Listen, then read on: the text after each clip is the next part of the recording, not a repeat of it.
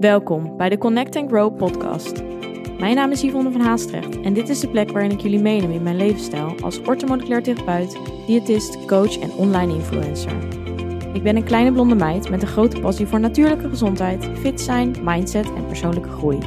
In deze podcast doe je inspiratie op door middel van eigen ervaringen, evidence-based informatie en praktische tools waar je daadwerkelijk iets mee kan. Een platform om samen te connecten en waar vele ervaringen mogelijk herkenbaar zijn. Hierdoor hoop ik jou het gevoel te geven er niet alleen voor te staan. Een veilige community met gedreven en open-minded vrouwen die allen op hun eigen manier willen groeien. Connect, be aware en take control. Ben jij er klaar voor?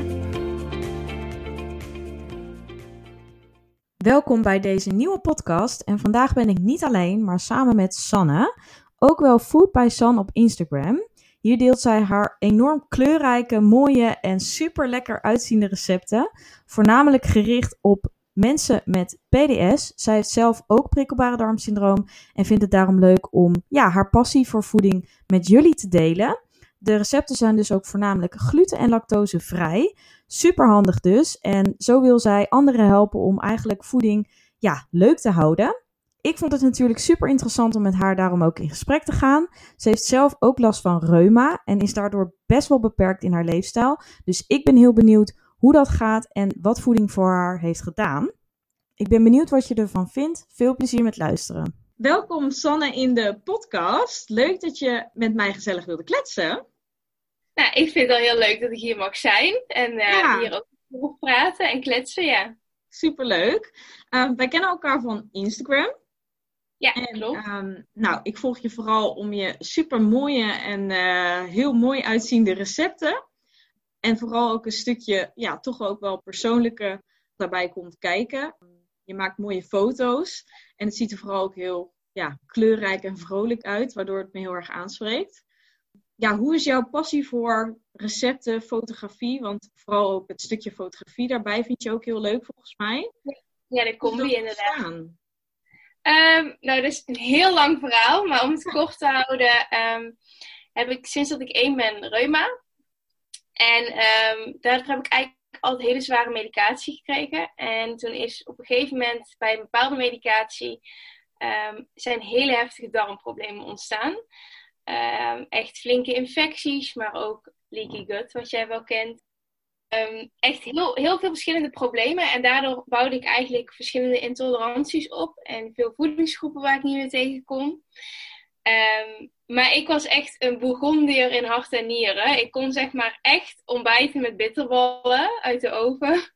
En ik at ook totaal niet gezond. Maar toen moest ik glutenvrij en lactosevrij. En uh, liefst ook nog suikervrij en plantaardig. En ja, daar dat was voor mij nog wel een ding. Heel heftig. En uh, ik wist totaal niet waar ik moest beginnen. Omdat alles wat ik voorheen at, kon ik niet eten. En um, toen heeft op een gegeven moment... Want ik vond het wel heel leuk om met eten bezig te zijn. En ik, ja, ik hield ook van eten. Alleen al die beperkingen. Dat, ik dacht alleen maar in beperkingen van wat kan niet. En ik vond nooit eens een makkelijk recept of ideeën van wat wel kon. En toen... Um, ben ik eigenlijk gewoon in eerste instantie gaan delen van oké, hier kan je dan nog wel eten als je allergieën hebt en hier niet.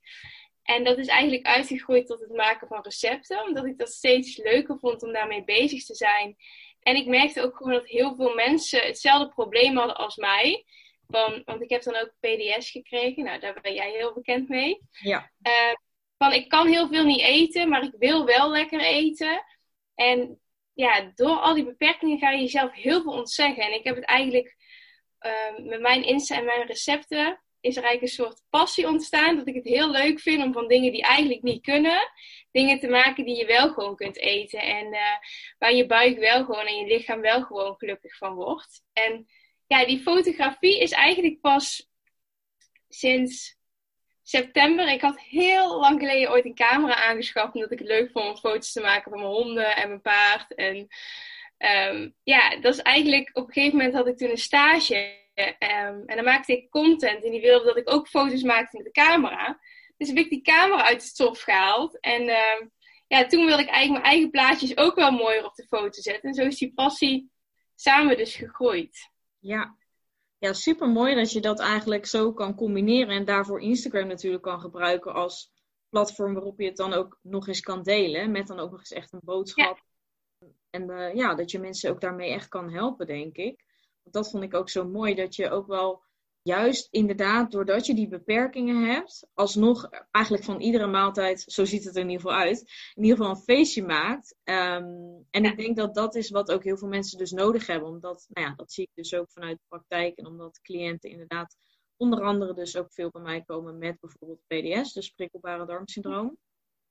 En echt denken, oké, en wat vertel me, wat moet ik dan nu gaan eten? Dus ja, heel mooi hoe je dat eigenlijk zelf hebt omgedraaid naar iets van, oké, hoe kan ik het voor mezelf leuk maken? Uh, en ook uh, zo ja, ervoor zorgen dat ik nog steeds van mijn eten kan genieten. Um, dus dat ja, ik, ik, uh, ja. ik denk dat dat iets is. Kijk, jij weet ook heel veel jonge meiden worden met PDS um, als waren.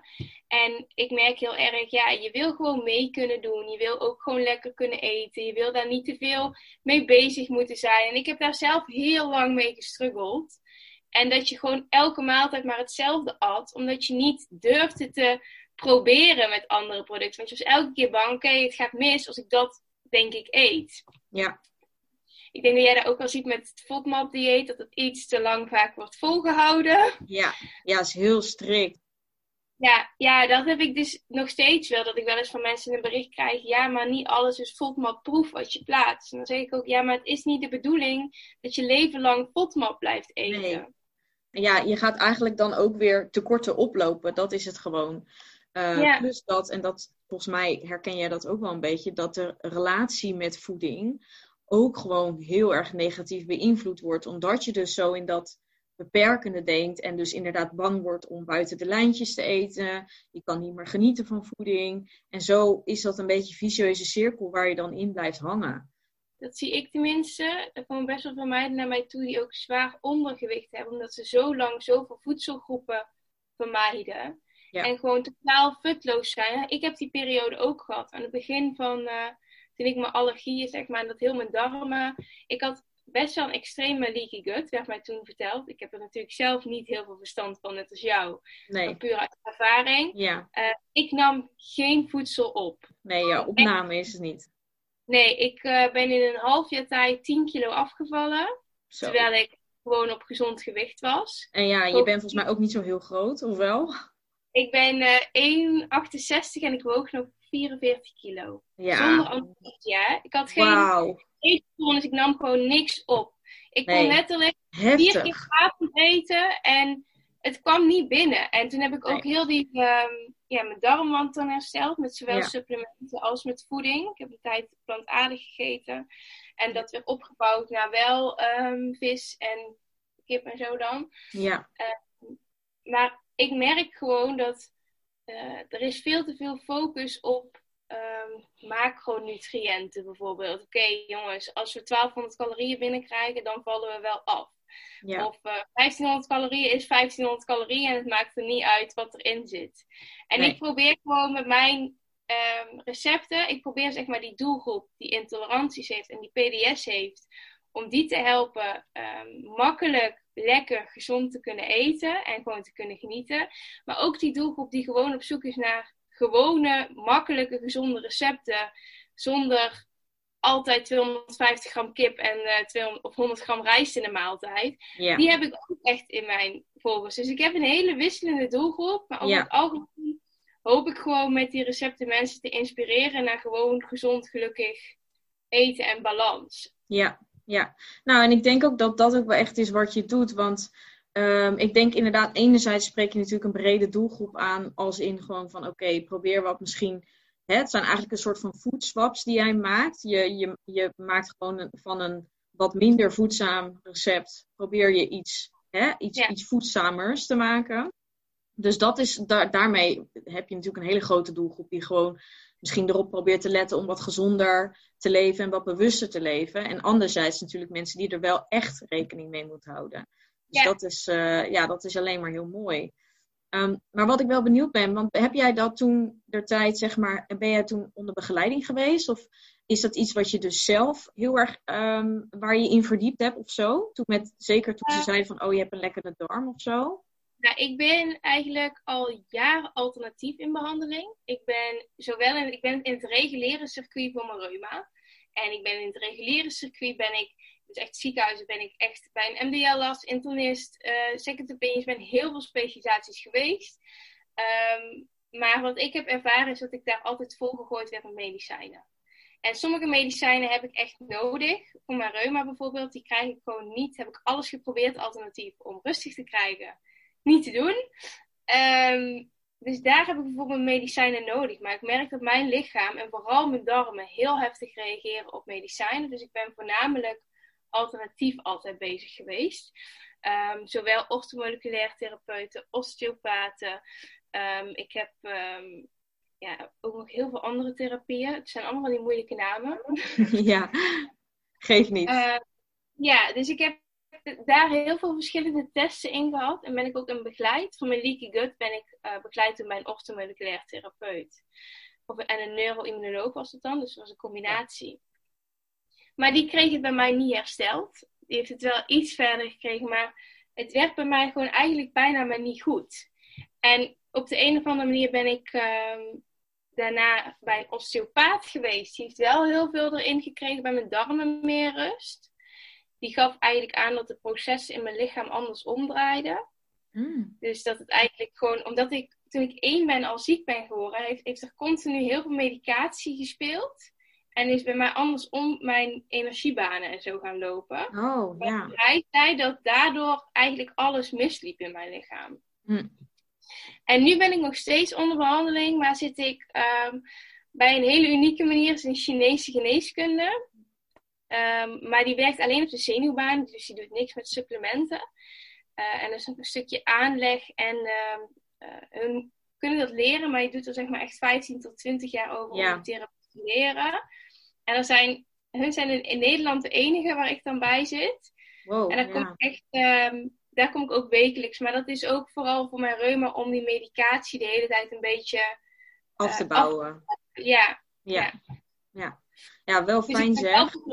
inderdaad. Maar bijvoorbeeld FODMAP dieet heb ik zelf um, niet gedaan als in met een diëtist. Wat ik wel aanraad als je het echt streng wil doen, zeg maar. Ja. Maar omdat ik al bij zoveel specialisten liep en mezelf altijd heel erg verdiepte in de kennis waar ik mee bezig was, um, heb ik dat zelf gedaan en heb ik door middel van gewoon die lijsten uit te printen. Ja. En uh, ik heb zelf geprobeerd van oké, wat zijn mijn eliminaties? Ik heb zelf geëlimineerd. En daarvoor heb ik wel heel de theorie uitgelezen. Dus niet gewoon klakkeloze lijst uitprinten en gaan strepen. Um, en daar heeft bijvoorbeeld het boek van Gut Health van Megan. Oh, ja. ja. die heeft bijvoorbeeld dat helemaal in haar boek uitgeschreven. Dus zo heb ik, ik heb begeleiding gehad en ik heb uh, ja. heel veel onderzoek gedaan. Ja, je wist wel wat je deed ook. Ja. Ik ben dan wel benieuwd, heb je dan eigenlijk merkte je dan zelf eigenlijk van hey, het heeft ook invloed op mijn reuma als ik gezonder ga eten? Of is dat vanuit het uh, de reguliere circuit zeg maar geadviseerd? Want in de, in de praktijk weet ik dat dat niet ja, aardig tekort schiet. Dus ik was benieuwd of dat, dat jij uit eigen initiatief hebt gedaan. Uh, ik ben zelf uit eigen initiatief, naar aanleiding dat ik bij een orthomoleculair arts was, um, toen ik denk 12 13 was, uh, ben ik gaan letten op mijn voeding. Maar ik ben ook wel wel eens uh, ingetrapt, moet ik zeggen. Want er zijn ook wel eens mensen geweest. Toen ik natuurlijk 13 jaar was, kan ik zelf niet helder nadenken. En uh, nee, als mijn moeder dacht van oké, dit is een goede manier. Dan deed ik dat. En heb ik bijvoorbeeld ook ooit aangewezen gekregen dat ik Herbalife shakes moest nemen voor oh. reuma te herstellen. Wow. Twee jaar lang genomen. Puur soja, puur suiker. Ja. En puur melk ook nog. Ja. En dat was, waren dan mensen die mijn ouders zeiden, ja, maar dit kan reuma genezen. Oh. Uh, ja, dat is heel erg. Echt heel erg. Ja, je zit met een probleem waar je... Ja, dus je doet het maar. Als, je, als ouders zijn die je kind, neemt alles aan. En toen ben ik mezelf eigenlijk uh, erin gaan verdiepen. En omdat ik dus van een orthomoleculair therapeut toen heel de uitleg heb gekregen van hoe dat zat met die omega-3, omega-6 balans. Um, en nu wordt er ook vanuit het ziekenhuis onderzoek gedaan, de Plant for Joints. Ik weet niet of je dat gelezen hebt. Ja, ken ik ook. Ja. Wendy Walrabenstein, volgens mij.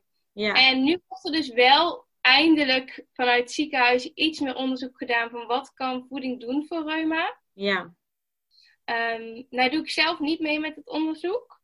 Maar ik heb wel de lijsten gezien van hoe het dus, wat wordt geadviseerd. En als, als ik dat dan weer zie, dan denk ik, ja, er wordt bijvoorbeeld, het is plantaardig. Maar er wordt wel uh, nou, drie, vier sneden brood op een dag geadviseerd. Oh ja. Dus hoe dat dan weer precies zit, er zal een reden achter zitten. Ik, heb, ik ben wel van mening dat voeding zeker iets kan doen voor reuma. Ik denk dat, daar, dat het goed is dat er meer onderzoek naar gedaan wordt, maar dat ze dat ook uh, breed moeten pakken. Want ik weet niet of dat nou per se alleen plantaardig heel veel zou kunnen doen. Nee. Nou, ik denk wel dat ik dat met je eens ben. Ik denk sowieso dat het inderdaad klachten kan ondersteunen. Want wat je, hè, welke klacht of ziekte je nu eigenlijk ook hebt, in elke situatie zal goed voor jezelf zorgen eigenlijk helpen om je klachten te verminderen of in ieder geval te supporten, zeg maar. Ja. Maar ik denk ook dat het wel heel persoonsspecifiek is. Dus net wat jij zegt, dat het misschien niet hoeft dat iedereen plant-based is. Of dat inderdaad, ja, bijvoorbeeld jij met dan ook PDS, vier boterhammen zou misschien voor jou niet goed werken. Dus ja, dat blijft altijd een beetje een dingetje. Dus dat is ook weer dan lastig te meten. Er zijn zoveel factoren die daar dan nog in meespelen eigenlijk. Maar ja, het, ja, het is fijn dat je in ieder geval zelf uh, de regie hebt teruggepakt eigenlijk. Want ja, net zoals als je wat mensen hebt, zeker op die leeftijd, je bent natuurlijk ontzettend jong nog. Ja, dan kun je eigenlijk niet, dan kun je niet zelf bedenken wat er goed en wat er, wat er misschien minder goed voor jou is. En gelukkig heb je dan wel, uh, ben je daarna op een punt gekomen waarop dat dan wel kan. En dat, ja, dat heb je denk, heeft je denk ik wel zeker helpen ontwikkelen daarin. Ja, ja, wat ik mis is zeg maar dat er inderdaad vanuit het ziekenhuis niet heel veel hulp daarin wordt geboden. Dat je daarin echt moet uitzoeken. En dat er gewoon nog te vaak fout advies wordt gegeven.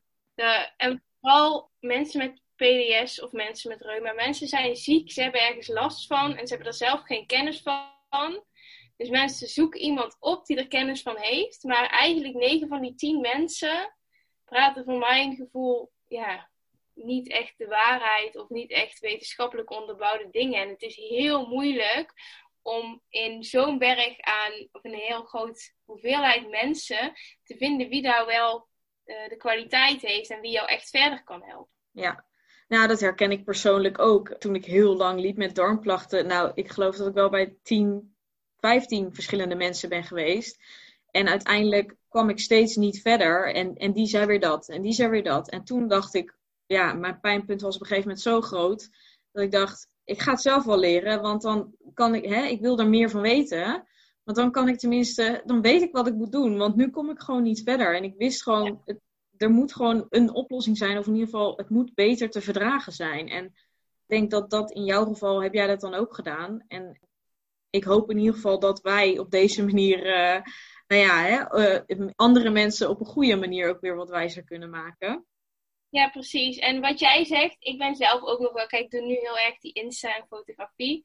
Maar ik uh, ben ook nog aan het denken om inderdaad orthomoleculair door te studeren. Omdat ik daar wel de meeste kansen zie liggen. Ja. In die alternatieve wereld. Um, maar ook daar vind ik niet elke orthomoleculaire therapeut is hetzelfde. Er nee, zeker niet. En ja. uh, ik denk dat het gewoon eigenlijk een veel betere maatstaf zou moeten komen van oké, deze orthomoleculair kan dit soort problemen oplossen. En die ligt daar, heeft daar sterke kanten. Net als dat jij zegt, ik focus bijvoorbeeld op darmgezondheid. Dan weten mensen, oké, als ik, als ik um, ja, als ik bijvoorbeeld reuma heb, zou ik misschien beter naar iemand kunnen gaan die reuma heeft. Ja. Of als specialisatie. Ik denk dat daar um, voor mensen met darmproblemen, mensen met reuma, eigenlijk iedereen die naar oplossingen zoekt, dat daar een soort van beter netwerk voor zou moeten zijn. Wat je bijvoorbeeld via een Instagram zou kunnen bouwen. Uh, ben ik ook zelf mee bezig dat ik aan het kijken ben, oké, waar weet ik nu een goede therapeut te zitten? Dat ik een soort van lijstje maak als mensen bij mij komen van, oké, ik heb klachten, ik wil geholpen worden. Dat ik kan zeggen, oké, waar woon je? Daar zit iemand die ja, Weet je, ja, zo ja. een beetje geholpen kunnen worden. Ja. ja, en ik vind dat daar ook een stukje verantwoordelijkheid ligt bij de, bij de therapeut zelf. Hè? Want bijvoorbeeld als iemand komt bij mij met overgangsklachten. Ja, ik weet er wel wat vanaf en ik kan echt tips geven. Maar het is inderdaad niet mijn mijn, hè, het is niet mijn USP, het is niet mijn specialisatie. Dus tuurlijk, ik zou, dan, ik zou dan zeggen tegen die persoon van ja, ik kan je tips geven en ik kan je helpen, maar weet wel dat. Hè, en er zullen vast mensen zijn, misschien überhaupt uh, mensen die überhaupt zelf de overgang ook hebben meegemaakt, want ik vind een stukje ervaring zegt ook superveel. Ja, um, is misschien meer passend dan, weet je wel. Dus ik, denk, ik vind ook, ja, zeker met, dat is misschien ook überhaupt met coaches en zo, therapeuten in het algemeen, dat het is een beetje natuurlijk een hele grote brede naam. En zeker als mensen misschien beginnend zijn of klanten heel erg nodig hebben, ja, dan ben je natuurlijk ook geneigd om heel snel iedereen maar aan te nemen. Ehm, ja, ik ben zelf dan in de luxe positie dat ik kan zeggen van hé, hey, ik zou je liever doorsturen. Maar ik denk dat, je dat, dat dat wel iets is wat inderdaad, wat jij zegt, uh, daar zou eerder een soort van mooi systeem voor moeten komen. Dat mensen zelf duidelijk weten van hé, hey, als ik dit zoek, dan heb ik die en die namen die daarbij passen. Ja. Ja, ja wat, wat je zegt, die specialisatie, dat is gewoon wat mensen echt verder kan helpen. Ja, ja, zeker. Ook al diep ik mezelf bijvoorbeeld er heel veel in en uh, uh, lees ik veel je hebt je ervoor geleerd en bent daardoor wel gewoon een stapje verder in je kennis. Ja. En ook omdat je heel veel praktijkervaring hebt gezien. Je ziet heel veel verschillende mensen met problemen. Dus ben je met meer bekend. Mensen komen wel eens met problemen bij mij qua darmgezondheid. En dan kan ik vanuit ervaring antwoord geven. Maar elke PDS-patiënt is compleet anders. Ja, dus klopt wat ik wel eens doe, is bijvoorbeeld op stories zetten. Oké, ik wil hier al je tips. En dan verzamel ik ze allemaal, zet ik ze allemaal onder elkaar. Ja. Uh, want dan heb je van iedereen tips. En iedereen heeft zijn eigen ervaring. Ja, dat is slim. De een is de andere persoon nog niet. Al zou jij identiek aan, een, aan bijvoorbeeld mij of iemand anders precies dezelfde klachten hebben. Dan alsnog is het niet zo van, oké, dan moet je dit, dit en dit doen. En dit, dit en dit nemen. En dan is dat de oplossing ook niet. Dus ja, ja het is helaas uh, complexer. Maar ja, ik denk wel dat het uh, sowieso als je er last van hebt, neem niet genoegen met alleen de stempel. Oké, je hebt PDS en zoek maar uit uh, waar je tegen kan en waar niet. Daar is wel echt, echt um, ja, mee te leven als in hè, dat, dat je minder klachten kan ervaren. Dus dat, dat zou ik sowieso ja. meegeven voor de mensen. Maar... Ik denk sowieso een hele grote doelgroep. Ik ben zelf bij heel veel mensen in behandeling geweest voor PDS. En ook in het ziekenhuis dus. En ik eet bijvoorbeeld al helemaal naar mijn PDS toe, als het ware. Dus ja. ik weet dat het mijn triggers zijn en ik weet dat stress een grote trigger is voor mij. Ja. En dan nog steeds heb ik heel veel klachten. Maar ik weet bijvoorbeeld dat bij mij mijn klachten worden verergerd mijn, door mijn medicatie die ik nodig heb. Ja. Um, maar er zijn ook heel veel mensen die heel veel klachten hebben en niet eens weten dat bijvoorbeeld stress een trigger is. Nee. Of die elke avond rauwe groenten eten. En daar, bij zulke mensen kan je zo makkelijk zoveel impact al ja, maken. Ja, kun je een hele grote verschil maken. Nou, en dat is, dat is inderdaad, wees je ervan bewust dat er misschien wel dingen zijn waarvan jij niet af weet, die wel beter kunnen. En ja. nou, er is ook een hele grote groep die denkt dat bepaalde klachten normaal is. Dat is ook, want ik heb heel vaak mensen die dan, dan stel ik wat vragen en dan zeggen mensen, oh ja, maar dat heb ik al zo lang, dat heb ik al heel mijn leven. En dan zeg ik, ja, maar normaal. het is niet normaal, weet je wel. Dan zeg ik, zo, zo is niet hoe het hoort. Oh, oh, weet je wel, dan ga je ermee aan de slag en dan merk je een verbetering. En denk je, zo, dit, dit, ja, dit geeft eigenlijk wel een heel groot verschil. Dus dat is ook iets dat heel veel mensen denken van, ja, ik neem er genoegen mee, het is goed zo. Alleen ja, je wilt bewijzen van iedere dag netjes naar het toilet gaan en, en dat soort dingen. Dus dat is denk ik wel goed om over na te denken. Want wat is um, uit jouw persoonlijke ervaring het ergste wat je hebt meegemaakt bij iemand die over PDS sprak dat je echt schrok van oké, okay, dit is echt niet oké, okay, zeg maar? Nou, ik heb wel eens iemand gehad die zei van ik ga soms gewoon vijf dagen niet naar het toilet of zo, weet je wel. Heb ik ook. En dan, ja, en dan, en dan, ja, die, die zat gewoon een beetje, ja, maar ja, vijf dagen en um, ja, maar dat is heel normaal hoor voor mij, weet je wel. En toen zei ik, ja, maar dat, dat is niet normaal. Toen zei ze, ja, het is wel logisch dat, dat mijn buik dan opzet. Ik zeg, ja, dat is inderdaad logisch. maar dat is niet de bedoeling. Dus ja, dat soort dingen, dat zijn wel, uh, ja, die, die komt wel het meeste voor. Gewoon niet, ja, niet naar het toilet gaan. Um, ja, maar dat zijn ook van die onderwerpen waar mensen niet over praten. Wat ze zien als dirty zeg maar. Dus komt het nooit te sprake dat het niet normaal is. Ja. ja, want dat is ook, want ik heb ook wel eens mensen die dus aan mij vragen van, uh, ik moet bijvoorbeeld drie keer naar het toilet op een dag. Eh, en die denken dat dat dus juist verkeerd is. Terwijl één tot drie keer is normaal. Alleen omdat nooit iemand zegt, ja, ik moet altijd drie keer naar het toilet. Dan denkt die persoon van, ja, dit is misschien verkeerd, weet je. Terwijl eigenlijk heb je een heel goed systeem juist als je drie keer naar het toilet moet. Want jouw lichaam ruimt dan gewoon heel goed op. En nou ja, naar het toilet gaan is gewoon je afvalstoffen uitscheiden. Dus ja, hoe meer je dat doet, hoe beter. Uh, tenzij natuurlijk wel je opname goed is, want anders is het niet goed. Maar je begrijpt wat ik bedoel. Maar dat is, dat is wel grappig, hoe dus die perceptie daar rondom eigenlijk zo verschillend is per persoon. Uh, omdat het dus gewoon niet zoveel, zeker over dat onderwerp natuurlijk, ja, niet zoveel gepraat wordt. Ja. ja, dat merk ik ook. En bijvoorbeeld een opgezette buik. Um, voor iedereen is een opgezette buik anders. Want heel veel mensen hebben gewoon een opgezette buik als ze gegeten hebben, of iets te veel hebben gehad, of een wijntje te veel, weet je wel. Ja. En uh, als, ik op, als ik praat over een opgezette buik, dan ben ik hoogzwanger, eh, zeg maar. Ja. En dat is ook voor iedereen anders. En mensen weten dan niet meer wat nou het normaal is, of waar je aan kunt meten als het ware. Nee, nee. Ja, je weet het pas waar jij over praat als je het dus hebt meegemaakt. Dat is ook wel, dat is wel grappig, want uh, mijn beste vriendin die had echt gewoon nooit darmklachten. en, toen, en ik had altijd opgeblazen buik. Dus nou, ze hoorde daar mij natuurlijk wel zo verklagen en dat wist ze ook bij mij. En toen had ze bij mij dus de bloedtest gedaan. En toen kwam er dus uh, bij haar naar boven dat ze dus gevoelig was voor gluten. Dus toen ging ze dat eigenlijk gewoon uitlaten om te kijken van oké, wat doet dat met mijn energie? Toen merkte ze inderdaad meer energie. Maar ze merkte wel dat zodra ze dus wel gluten at, dat ze daar dus opeens dus van ja, opgeblazen werd. En toen zei ze, jeetje, nu weet ik pas wat jij bedoelt met ik voel me opgeblazen, weet je wel. Want ze zei wel eens, ja, hè, je kan je een beetje vol voelen. Maar het verschil tussen inderdaad gewoon iets te veel gegeten hebben en echt opgeblazen. Echt zo'n harde buik en gewoon, nou ja, waar je ook krampen van kan krijgen, et cetera. Ze zegt, ja, dat, je kent dat gewoon niet. En toen opeens had zij dat dus heel erg last van. En toen zei ze, ja, het is zo'n vervelend gevoel. Uh, Je kan dat dus niet vergelijken met een beetje vol zitten eigenlijk.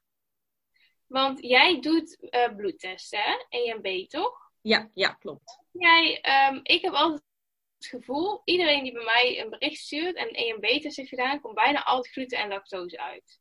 Dus ik heb nog nooit iemand gehoord waar het niet erbij uitkomt eigenlijk. Ja. Is dat iets wat jij ook ervaart? Ja, dat komt heel veel naar boven. En ik, ik zie het zo, en dat is inderdaad weer therapeut verschillend. Maar ik zie het zo dat dat dus vaak naar boven komt, omdat dus er vaak een darmprobleem zit. Ehm, en wat ik dus vaak in de praktijk zie en waar ik dus eigenlijk ook naar streef met cliënten, is dus om die darmgezondheid te optimaliseren. En dan eigenlijk te zorgen dat we weer die producten goed kunnen verdragen. Omdat ik eigenlijk wil dat de persoon zo min mogelijk restricties heeft en eigenlijk dus altijd weer er, naar, er naartoe werkt om weer een zo volwaardig mogelijk eetpatroon te hebben. Zonder dat je dus ja, dingen eh, jezelf hoeft te beperken. Dus er zijn mensen die uit oogpunt zeggen bij voorbaat al van gluten is sowieso niet goed voor de darmen. En zuivel moet je ook vermijden, want ontstekingswaarde, et cetera. Ik ben daar iets, hoe zeg je dat, minder streng in. Omdat ik dus juist ook weer de andere kant ken als het eetstoornis, plaatje, slechte relatie met voeding. En omdat dus, wat jij net ook zelf zegt, die stress ook zo'n enorme impact is op die darmen vind ik het soms, ja, moet je soms overwegen. Dus dat is ook verschillend per persoon. Maar kijk ik ook naar persoon zelf van, is het iemand die al stress heeft en al een slechte relatie heeft met voeding? Um, en gaat dit dan echt daadwerkelijk helpen als ik heel veel uit het patroon ga schrappen? Want dan wordt vaak de stress en wordt alleen maar groter, dus gaan ook de darmklachten niet over. Dus dan ben ik minder streng. Terwijl als iemand ja, eigenlijk helemaal hè, geen gekke relatie heeft met voeding, dan ben ik iets meer dat ik zeg van oké, probeer het eruit te laten voor een aantal weken, maar altijd maar voor een aantal weken. En dan vervolgens bouwen we dat weer op. Ehm, maar het is wel zo dat het inderdaad heel veel voorkomt. Nou, dat komt één, omdat dus inderdaad het wel, zeker wat jij zegt, lactose, koemelk en gluten, van zichzelf wel uh, ja, bepaalde stoffen of reacties teweeg kunnen brengen in het lichaam. En dus er dus heel vaak eigenlijk een darmdysfunctie is, waardoor we daar niet goed op reageren. En dan moet je eigenlijk eerst dat aanpakken, voordat je dan dat weer kan eten. Maar voor heel veel mensen nemen dat op als ze die uitslag dan krijgen van, oh, ik kan het nu nooit meer eten. Maar dat is dus eigenlijk niet het geval. En dat vind ik dus ook wel zo zonde dat, want ik heb dus ook heel vaak wel eens, omdat ik daar dus over praat, uitslagen van mensen die bijvoorbeeld bij een andere therapeut de bloedtest hebben afgenomen. Die zeggen, ja, maar vond ik moest dit, dit en dit en dit vermijden. Wat moet ik nu nog eten? Help me. Uh, en, en dan zien ze bijvoorbeeld bij mij van, ja, we werken er naartoe om een volwaardig eetpatroon te blijven houden. En dat ik die mensen dan weer help om het te introduceren. En dan zie je juist dat, omdat er gewoon meer stress komt, minder stress komt, je kan weer meer variëren, dat dat juist helpt om die klachten ja, minder aanwezig te laten zijn. Dus dat is wel mooi om te zien. En ik wil ook echt niet zeggen dat ik alles uh, kan oplossen en dat ik alles het beste weet. Maar ik zie wel dat, um, en dat is natuurlijk ook een beetje mijn doelgroep, dat juist ook veel jonge vrouwen uh, hè, met heel erg dat streberige en dat alles perfect willen doen en zo gezonder, hoe beter. Dat dat ook juist de doelgroep is die dus veel meer darmklachten ervaart. Ja. Dus dat vind ik ook een opvallend iets.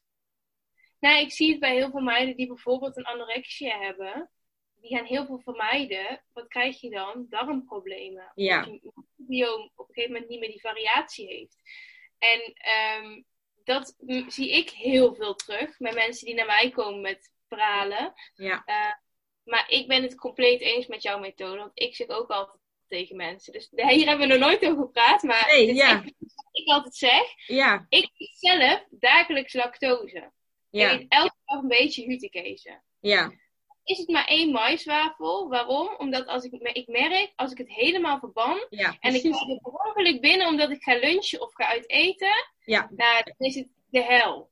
Nou, als ik elke dag of één keer in de twee dagen een beetje binnenkrijg, blijft mijn lichaam er een beetje aan gewend. Bij gluten is een andere verhaal, daar kan ik echt niet tegen. Nee. Heb ik ook geprobeerd, als een speld proberen, zuurdesem proberen. Maar wat doe ik daar dan bijvoorbeeld? Ik gebruik niet altijd glutenvrije haver. Dus dan kan het wel dat ik. Ik heb niet dat ik producten niet koop omdat erop staat kan sporen bevatten van. Ja. Ik koop gewoon van nature glutenvrije producten, maar sporen neem ik genoegen mee. En dat gaat gewoon Ja. goed. Maar eh, er zijn inderdaad mensen bij mij, en daarom vroeg ik het net ook, die dan een EMB-test hebben gedaan en zeggen tegen mij: Ja, en ik kan geen soja meer, en ik kan geen melk meer, en ik kan geen gluten meer, en ik kan geen pinda's meer, en ik kan geen eieren meer. Wat moet ik nog Ja. eten? Ja. Ik zeg, dan zeg ik altijd: Weet je, probeer eens gewoon alles iets te minderen en Ja. dan te kijken wat het doet. Want het is niet zo dat je. Het is ook niet gezond voor je lichaam als je ineens zegt: Oké, ik ga er allemaal mee stoppen. Nee, mensen lopen voedingstekorten op, energietekort. Het is wel, ja.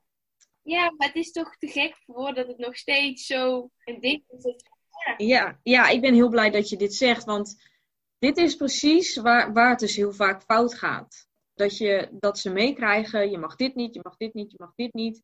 Nou, mensen weten niet meer waar ze het moeten zoeken, weet je wel. Terwijl ook, het, het is een gevoeligheid. Dus dat wil inderdaad zeggen dat je er, je kan er een reactie op krijgen, maar het is niet per se direct schadelijk. Kijk, tuurlijk, in een geval van bijvoorbeeld inderdaad bij jou ook lekkende darm, je moet de darmgezondheid echt wel ondersteunen, want anders zul je nooit je klachten gaan verbeteren. Dus dat is belangrijk, maar dat komt ook eventueel uit de test. Daar weet je dan ook duidelijkheid over. Maar het belangrijkste is dat je niet, ja, dat je, dat je niet alles maar zo krampachtig eruit laat. En het wordt gewoon, het wordt daardoor ook echt niet beter. En af en toe dat binnen laten komen, want ook die producten bevatten hun eigen specifieke darmbacteriën. Zorgt er juist voor dat als je het een keer eet, dat gewoon de reactie minder is. Ja, mee eens. Daarom zeg ik bijvoorbeeld ook in al mijn recepten. Ehm, staat er dan bijvoorbeeld lactosevrije kwark, omdat ik zelf lactosevrije kwark heb gebruikt. Maar wil iemand sojayoghurt gebruiken of Griekse yoghurt Ja. of normale kwark, kan dat ook. Ik heb vier verschillende potten yoghurt en kwark in mijn koelkast staan, Ja, omdat ik elke dag een beetje afwissel. Om niet dat is heel goed. constant Ja, hetzelfde te eten. Want ik vind het elke dag lekker om een bak yoghurt of kwark te pakken. Maar om elke dag soja te eten vind ik niet gezond. Maar om elke dag die melk te eten vind ik ook niet gezond. Dus ik doe gewoon echt die balans. En ik denk dat eh, zowel jij zelf gelukkiger wordt van een afwisseling, als je darmen. Nou, dat, dat is ook echt zo. Want toevallig is, heb ik, is mijn vorige podcast ging ook over echt de variatie van voedingsmiddelen. En daar leg ik dit ook inderdaad uit. Dat alleen al het verschil in verschillende zuivelproducten al zo'n groot verschil kan maken in hoe jij het opneemt en afbreekt. De eventuele klachten die daarbij horen. Het is gewoon echt, tuurlijk, het is per persoon verschillend. Want wat jij ook zegt, hè, die gluten bijvoorbeeld gaat dan echt niet. Maar ga dat inderdaad dan voor jezelf uitvinden. En kijk gewoon. Probeer. Begin met een lage drempelwaarde. Dus met inderdaad een klein beetje. Probeer tot waar je kan toevoegen. Krijg je klachten of worden de klachten ernstig, dan weet je gewoon, dit is too much. En ga je weer terug. En zo moet je dat, en dat kost echt wel even tijd en energie. Maar daarna heb je er dan zoveel meer rust over. En dan kun je daar gewoon, ja, kun je gewoon met meer vrijheid rondom je voeding omgaan. Ja, en inderdaad ook voor je geest is het een heel groot ding. Dat onderschatten veel mensen. Ja, zeker. Ik heb heel vaak dat ik, ik, iedereen weet, ik let goed op mijn voeding. Ik eet wel elke dag chocola en dat soort dingen. Maar ik let gewoon goed op mijn voeding. Maar als ik uh, in een stressvolle periode zit, nou dan loop ik gewoon twee weken rond met zo'n buik. Want ik heb stress. Ja. En heel veel mensen onderschatten dat ook weer. Dat klopt. Ja, soms zeg ik wel eens, uh, ik denk dat het voor veel mensen een grotere factor is dan überhaupt voeding zelf. Zeker dus bij mensen die dus al in de basis eigenlijk heel gezond eten. Dan heb jij veel meer te bereiken in het feit dat je inderdaad meer aan die stressvermindering moet werken, dan dat je nog gezonder of nog meer beperkingen op moet leggen. En dat is dat, ja, uh, ja dat beseffen veel mensen niet. Mooi. Mooi dat we zo'nzelfde uh, mening hebben hierover. Ja, visie daarover. Ja, ja, zeker. En vooral omdat je elkaar er dus helemaal niet over gesproken hebt, vind ik dat zo mooi. Nee, ik wist wel dat je ook was van het eten op gevoel en zo. Dus daarmee dacht ik wel van oké, het is niet dieetgericht en zo. Dus dat vond ik goed. En dat zie ik natuurlijk ook überhaupt aan je recepten. Ja, dat wist ik wel, maar echt zo specifiek niet. Dus dat is inderdaad uh, ja, leuk om te horen. Ja, nou, ik krijg dus wel, uh, heel veel van mijn volgers zijn wel dieetgericht. Krijg ik ook heel vaak de vraag van, ik wil graag dat je maaltijd maakt onder de 250 calorieën. Oh, echt? Ja, heel vaak. Ik heb heel veel meiden die mij volgen die echt, uh, ik denk 1200, calorieën eten. En daarom zeg ik ook heel vaak, ik eet intuïtief, ik tel niks. Dus ik ga ook niet elke calorie uitrekenen. Maar nee. ik weet gewoon, de maaltijden die ik maak zijn voedzaam, ze zijn gevarieerd. Je krijgt er als het goed is geen buikpijn van. En dat is wat ik lever. En soms vind ik het wel leuk om te kijken van oké, okay, hoe zit het nou met de eiwitten, um, koolhydraten, vetpercentages? Uh, dat vind ja. ik wel heel interessant. Ook omdat ik bijvoorbeeld zelf uh, voor mijn reuma heel eiwitrijk eet ook. Maar daar beschiet ik wel eens van. Omdat juist door dat soort dingen krijgen ze ook darmproblemen. Dat ze zeggen, ja, maar als ik meer eet, blaast mijn buik op. En dan denk ik, ja, maar misschien eet je het verkeerde. Want als ik zelf kijk hoeveel ik eet, het is heel veel massavoedsel ook, maar hoeveel ik eet, is beter, gaat mijn buik beter op als dat ik heel lang niet eet en één grote ja. maaltijd en dan weer heel lang niet. Dat wou ik inderdaad net zeggen. Want ook niet eten of maaltijden overslaan triggert een opgeblazen buik. En dat is echt zo. Ja. Dat heeft ook met vochtbalans te maken. Het aantrekken van als jij dan wel voeding gaat eten. Überhaupt. kan zelfs onderliggend nog eens te maken hebben dat als je dat op lange termijn vaak doet, dat je schildklier dus trager wordt en dat je metabolisme, dus je verbranding vertraagt. En die is eigenlijk verantwoordelijk ook voor jouw darmperistaltiek, uh, de energie die gaat naar vertering. En da daar kom je dan vaak ook in tekort. Dus juist de mensen die inderdaad ook op dieet zijn en inderdaad 1200 of 1400 calorieën eten, uh, die hebben waarschijnlijk ook gewoon te weinig energie om te besteden aan vertering. Omdat het lichaam kan wel met een beetje minder energie naar die vertering. Want ja, je verteert nog wel, maar gewoon iets minder. Alleen dat heeft wel ontzettend veel impact op je voeding en hoe dat dus ja, als het ware letterlijk klein gemaakt wordt, waardoor producten te groot blijven en dus klachten geven. En dat ja. beseffen gewoon heel veel mensen niet. En in die bubbel heb ik zelf ook heel lang gezeten. Dat ik altijd dacht van, oh, het ligt aan mijn voedingskeuze en ik moet nog gezonder. Maar ik at al jaren super gezond, wat ik toen dacht. En aan de producten, ik, ik, hè, ik at super clean, hoe ze dat dan zeg maar noemen. Maar hoe meer ik mezelf juist ging variëren, hoe, hoe hè, mijn calorieën überhaupt omhoog ging brengen, hoe minder last ik ging hebben van een opgeblazen buik. Ja. Ondanks dat ik dus bijvoorbeeld wel gluten en zuivel opeens weer at. Terwijl daarvoor had ik geen soja, geen zuivel, gewoon niks van die triggers, weet je wel. Ik had alleen nog wat ei en dat, dat was het. Ook een tijd geen vlees. Nou ja, super, alleen maar plant, ja, eigenlijk plantaardige voeding.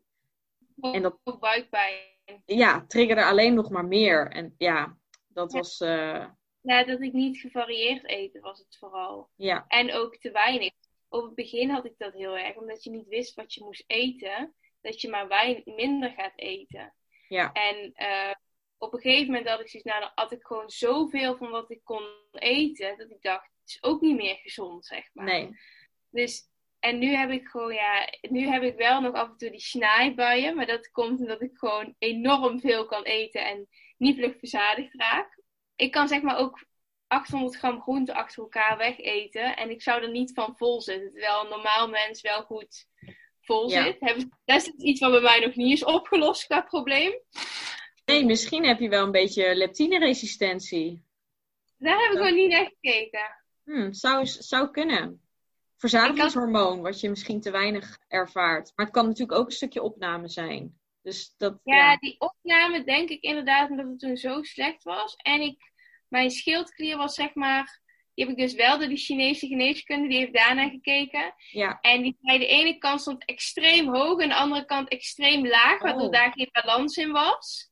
Maar die heeft hij hersteld en nog steeds kan ik heel veel eten. Hm. Dus ehm, wat dat is, weet ik niet. Maar ik denk ook wel eens, ik heb natuurlijk een eh, chronische ziekte in al mijn gewrichten. Ik denk dat sleept ook enorm veel energie van je lichaam. Daarom ben ik zelf ook niet meer van het calorieën tellen. Want dan kan ik wel zeggen van, eh, ik mag maar max 2000 calorieën. Maar bijvoorbeeld nu, op dit moment, heb ik mijn knieën en mijn enkels ontstoken. Dat zijn vier gewrichten in totaal. Dan moet ik gewoon meer eten, want het Ja. lichaam vraagt continu. ja. Terwijl ik eigenlijk heel veel plat lig en heel weinig kan doen. Heel veel meiden vooral zijn zo getriggerd op, oké, dit mag ik maar binnenkrijgen. Terwijl misschien vraagt je lichaam op een bepaald moment veel meer en heeft het op dat moment heel hard nodig. En daarom ben ik toen ook echt die switch gaan maken naar intuïtief. Ja, supergoed. Want wat jij zegt, eigenlijk ontsteking is eigenlijk al sowieso een stressreactie. Dus het is dus een continue stressfactor die je in jouw lichaam zit. En wat veel mensen altijd inderdaad verkeerd bedenken, is dat je juist bij stress dus eigenlijk meer calorieën nodig hebt. Er zijn heel veel mensen die door de stress dan minder gaan eten of juist niet kunnen eten. Terwijl eigenlijk je lijf ontzettend hard ja, vraagt naar meer voeding. Dus ja, inderdaad, gun dat jezelf en, en geef het jezelf, want daar ga je juist alleen maar beter van voelen. Ja, precies. Ik hoop hoe- dat daar steeds meer naartoe gaat.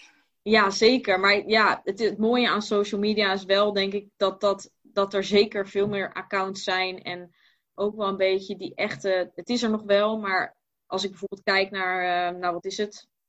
Vijf, zes jaar geleden was echt wel een beetje die echte fit girl hype. Eh, waarin het echt was hè, zes keer per week sporten en eh, alles zo slank mogelijk. En nu gaat het best wel veel meer om ook sterk worden en meer rust. En nou ja, ook meer, hè, meer aandacht voor meditatie en dat soort dingen. En ik denk dat dat ook wel weer iets goeds is. Ehm, Ja. Ik denk dat je gewoon zelf heel erg bewust moet zijn van wie je volgt en wat voor informatie je oppikt eigenlijk. Ja, precies. Want hoe heb, je, heb jij zelf dan ook een tijd gehad dat je echt bezig was met eh diëten? Omdat je zegt van, hè, ik ben toen echt naar het intuïtief eten gegaan. Ja, ik, ehm, ik heb zelf heel veel pretnison gehad. Oh, Ehm, ja. Dan blaas je nogal op voor mijn reuma. Ja, dus daardoor was ik, werd ik onzeker of dat ik ook opgeblazen was, zeg maar. ja, En toen heb ik echt periodes gehad dat ik eh, ging trekken. En op een gegeven moment ben ik ook gaan trekken toen ik zo dun was. Omdat ik zoiets had van misschien eet ik te weinig juist. ja. Toen zei ook, toen adviseerden ze dat ook, van ga eens trekken. En toen kwam ik er dus eigenlijk achter dat ik juist, want iedereen zei de hele tijd, die, die therapeut zei tegen mij, ja, maar jij hebt meer anorexia, omdat ik zo dun was.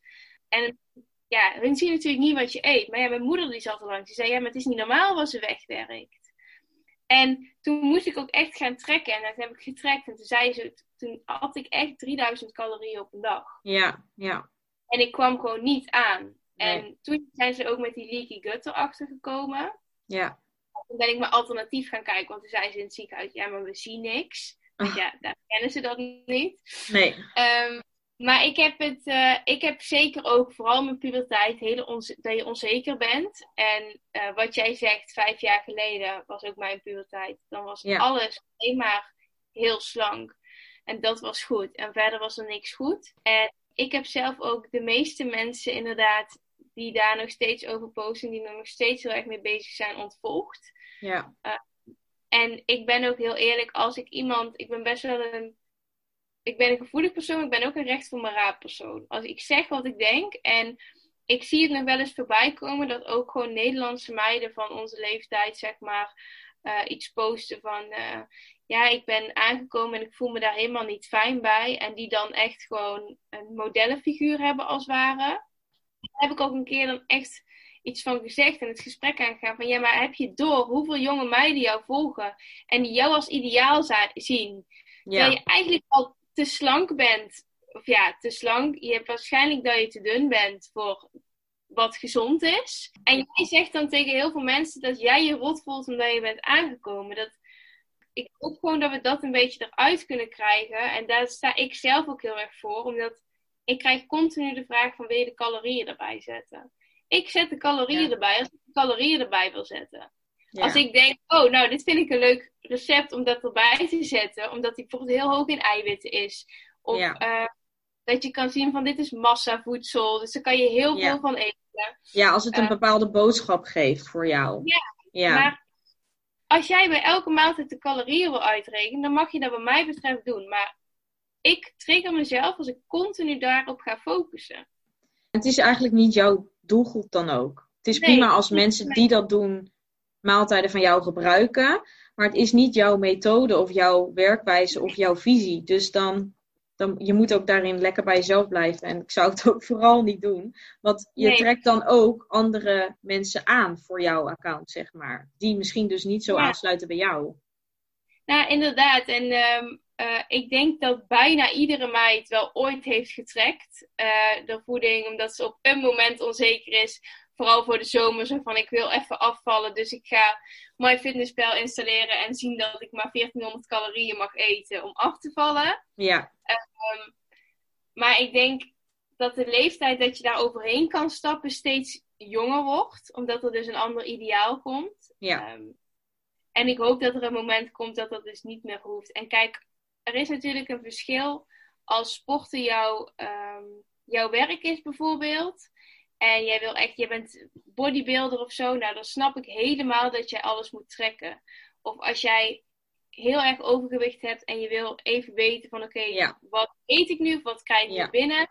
Ja, bewustwording vergroten. Meer bewustwording dan dat ik uh, iemand adviseer om heel zijn leven alles bij te houden. Want het is ook weer een trigger. Als jij alles bij gaat houden, creëer je stress, naar mijn mening.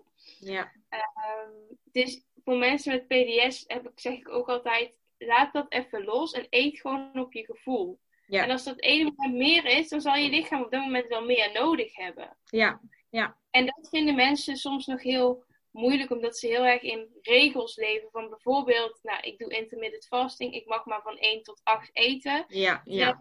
sta jij op, moet je gaan menstrueren, heeft je lichaam extra energie nodig. En jij geeft het niet omdat je volgens een regel leeft. Terwijl je lichaam is geen... Uh, nee, is geen machine. Nee. Vanuit mijn perspectief puur uit ervaring. Hè? Ja, nou ja. En ik, ik sluit me daarbij aan, dus dat is heel mooi. Dat is mooi. Hey, zou je nog um, iets willen meegeven aan de luisteraar dat je zegt van... Stel mensen met PDS of misschien reuma, dat je zegt dit of dit is echt, dit heeft voor mij de grootste verandering gemaakt. Is dat dan dus echt misschien dus daarbij hulp zoeken? Of inderdaad misschien aanpassingen in voeding? Of echt specifieke aanpassingen? Um, ik denk dat het een combinatie is tussen mindset en voeding. Ik denk zeker dat voeding zowel voor mensen met PDS, vooral voor mensen met PDS kan het heel veel doen. Voor mensen met reuma kan het ook zeker wat doen. Um, ook omdat jouw immuuncellen en dus jouw immuunziekte, die ligt eigenlijk ook een stukje in je darmen. Gezonde darmen zijn gewoon voor mensen met reuma en mensen met PDS belangrijk. Um, ik zou, als jij echt heel veel drive hebt en je, echt, je denkt dat je er echt kan, kan je zelf onderzoek doen. Maar ik zou me zeker een keer eerst laten informeren door een goede therapeut. En dan echt op onderzoek uitgaan van wat past inderdaad bij mij. En wat ik bijvoorbeeld ook wel eens deed, was gewoon echt, ik had wel een fijne reumatoloog. En dan zei ik tegen die reumatoloog van oké, ken je een goede orthomoleculair arts? Vaak kennen ze toch wel ergens mensen die bijvoorbeeld arts zijn geweest. en orthomoleculair therapeut zijn geworden. Of ik bij mijn huisarts. Dus ik ging niet op Google zoeken van waar zit een orthomoleculair therapeut of een uh, immunoloog. Maar dan vroeg ik aan mijn huisarts, weet je een goede die hier in de buurt zit? Dus ik, dat, ik zou zeker daar hulp in zoeken bij beide gevallen. Maar ik zou me niet alleen maar focussen op uh, ja, je voeding, maar ook bijvoorbeeld eens kijken naar heb ik een heel hoog stresslevel. Uh, misschien ga eens ervaren als je bijvoorbeeld op vakantie bent of je dan geen klachten hebt. Ja. Ik heb wel altijd klachten op vakantie, dus dan weet ik dat het ook een gedeelte aan mijn voeding ligt. Ja. Dat ik andere dingen eet. Maar misschien heb jij wel, uh, dat hoor ik van heel veel meiden, um, die dan zeggen van ja, maar eet je op uh, vakantie dan ook geen croissantjes? Die dan op vakantie ineens geen last hebben van gluten. Dan denk ik, oh, maar misschien merk je dan zelf ook van oké, okay, het ligt ook ergens anders een oorzaak. Dus ja. um, ik denk die combinatie heel erg uitzoeken van wat voor jou daarin werkt. Jezelf daar ook echt de tijd voor gunnen. Want het is wel je lichaam en je kan er wel mee rond blijven lopen. Maar op een gegeven moment wordt het te erg om maar gewoon mee rond te blijven lopen. Ja, en in sommige gevallen kun je het dan wel erger maken. Dus dat. Uh, ja. Nee, goede, goede tips. En ik denk sowieso begeleiding is in beide gevallen, denk gewoon ook wel echt nodig. Uh, maar Ja. ik denk vooral in het geval van PDS dat veel mensen daar misschien ja, toch inderdaad eerder denken van nou, ik heb het en eh, ja, ik laat het maar zo. Maar eh, ja, ik zou toch adviseren om, dat, eh, om daarin wel stappen te ondernemen. Ja, en als het voor iemand nou echt, dat mensen bijvoorbeeld zeggen: het is te duur voor mij om daar zelf geld in te kunnen stoppen. Begin dan überhaupt met het kopen van een goed boek wat je daar uitleg over geeft. Of wat jij bijvoorbeeld, je hebt zo'n met methode, toch? Ja, met E-book? e-books bijvoorbeeld. Ja, Ja, dat is een veel minder grote uitgave als dat je meteen consulten gaat doen. Maar je kunt jezelf wel ergens stappen zetten Ja. om er meer over te weten. Ja, nou ja, dat is exact eigenlijk de reden waarom ik het gemaakt heb. Omdat ik inderdaad zelf bij zoveel therapeuten was geweest. Ja, op een gegeven moment, eh, het, is niet, eh, het is niet goedkoop. En eh, dan denk je, ja, ik ben zoveel mensen geweest, ik ben geen stap verder. Dus ja, zo'n e-book bijvoorbeeld is inderdaad zo'n fijne tool. En dan haal je er maar een paar dingen uit. Je bent weer een stapje verder, weet je wel. En ik denk dat dat ook iets is. Verwacht niet gelijk alles, dat, dat je alles in één keer 100% beter gaat doen of anders gaat doen. Neem gewoon de tijd daarvoor. En ook voor je lichaam om daar weer aan te wennen. Ehm, maar geef ook niet op. Want het, ja, het is wel, eh, je kunt er echt goed mee leven. En dan kun je natuurlijk sowieso ook bij jouw recepten kijken om natuurlijk wat meer variatie en je voeding wat op te leuken. Dat sowieso. Nou, dat was dus wel leuk, want ik kreeg van de week, of vorige week kreeg ik een berichtje van een diëtiste, die mij dus volgde, dat ze verschillende mensen die dus PDS hadden, gewoon mijn recepten had laten maken, in plaats van het hele FODMAP-dieet te gaan Ja. volgen. Om gewoon die variatie op te zoeken. Ehm, en omdat ik, ik heb de grootste triggers, net als ui en knoflook, heb ik eruit gehaald. Daar kan ik zelf niet tegen en ik zet er soms wel bij eventueel ui of eventueel knoflook. Zelf toe kunnen voegen als ze er wel tegen kunnen. Maar ik, ja, ik hoop inderdaad mensen daar gewoon makkelijker mee te maken. En dat ze Ja. niet, eh, niet te veel regels voor zichzelf gaan opleggen. Nou, ik denk zeker dat je dat ook, eh, dat, je dat ook doet. Dat is mooi om te horen. Ja, ik zal sowieso ook eventjes alle eh, linkjes naar jou zal ik in de show notes ook zetten. Dus dan kunnen mensen gewoon eh, doorklikken. Ik denk dat als ze vragen hebben voor jou, dat ze ook altijd eventjes een DM kunnen sturen. Ja, ik weet niet of je. DM al overloopt, dat je dan helemaal... eh, maar goed, ik denk wel dat, dat ze dat kunnen doen. Ja, en dan wil ik je bedanken voor het gesprek. Ik vond het een super mooi Ja, en fijn gesprek. Ik vond het heel leuk om hier te zijn en met jou te praten hierover. En ehm, ik vind het vooral heel mooi dat onze meningen zo bij elkaar aansluiten. Zeker, ja. Ja. Lijkt me leuk. Wie weet kunnen we nog eens een, eh, een verdieping doen of een tweede deel. Ja. Eh, kunnen we er nog even verder over eh, kletsen. Yes, lijkt me leuk. Dat gaan we doen. Ik hoop jullie in ieder geval terug te zien in de volgende aflevering. Laat het ons weten als je vragen hebt en tot de volgende keer. Doei doei! Doei! Bedankt voor het luisteren. Vond je dit een leuke aflevering of ben je geïnspireerd geraakt? Deel dit dan met anderen of maak een screenshot en deel dit via stories op Instagram. Superleuk als je mij hierin tagt. Elke vorm van support waardeer ik enorm. Laat bijvoorbeeld ook een review, sterren of een reactie achter. Meer connectie, volgen wat ik doe of info over wat ik bied? Je kunt mij vinden op Instagram, Yvonne van Haastrecht. Tevens een directe link van mijn website in de show notes. Ik wens jou een hele fijne dag of avond en tot de volgende keer. Doei!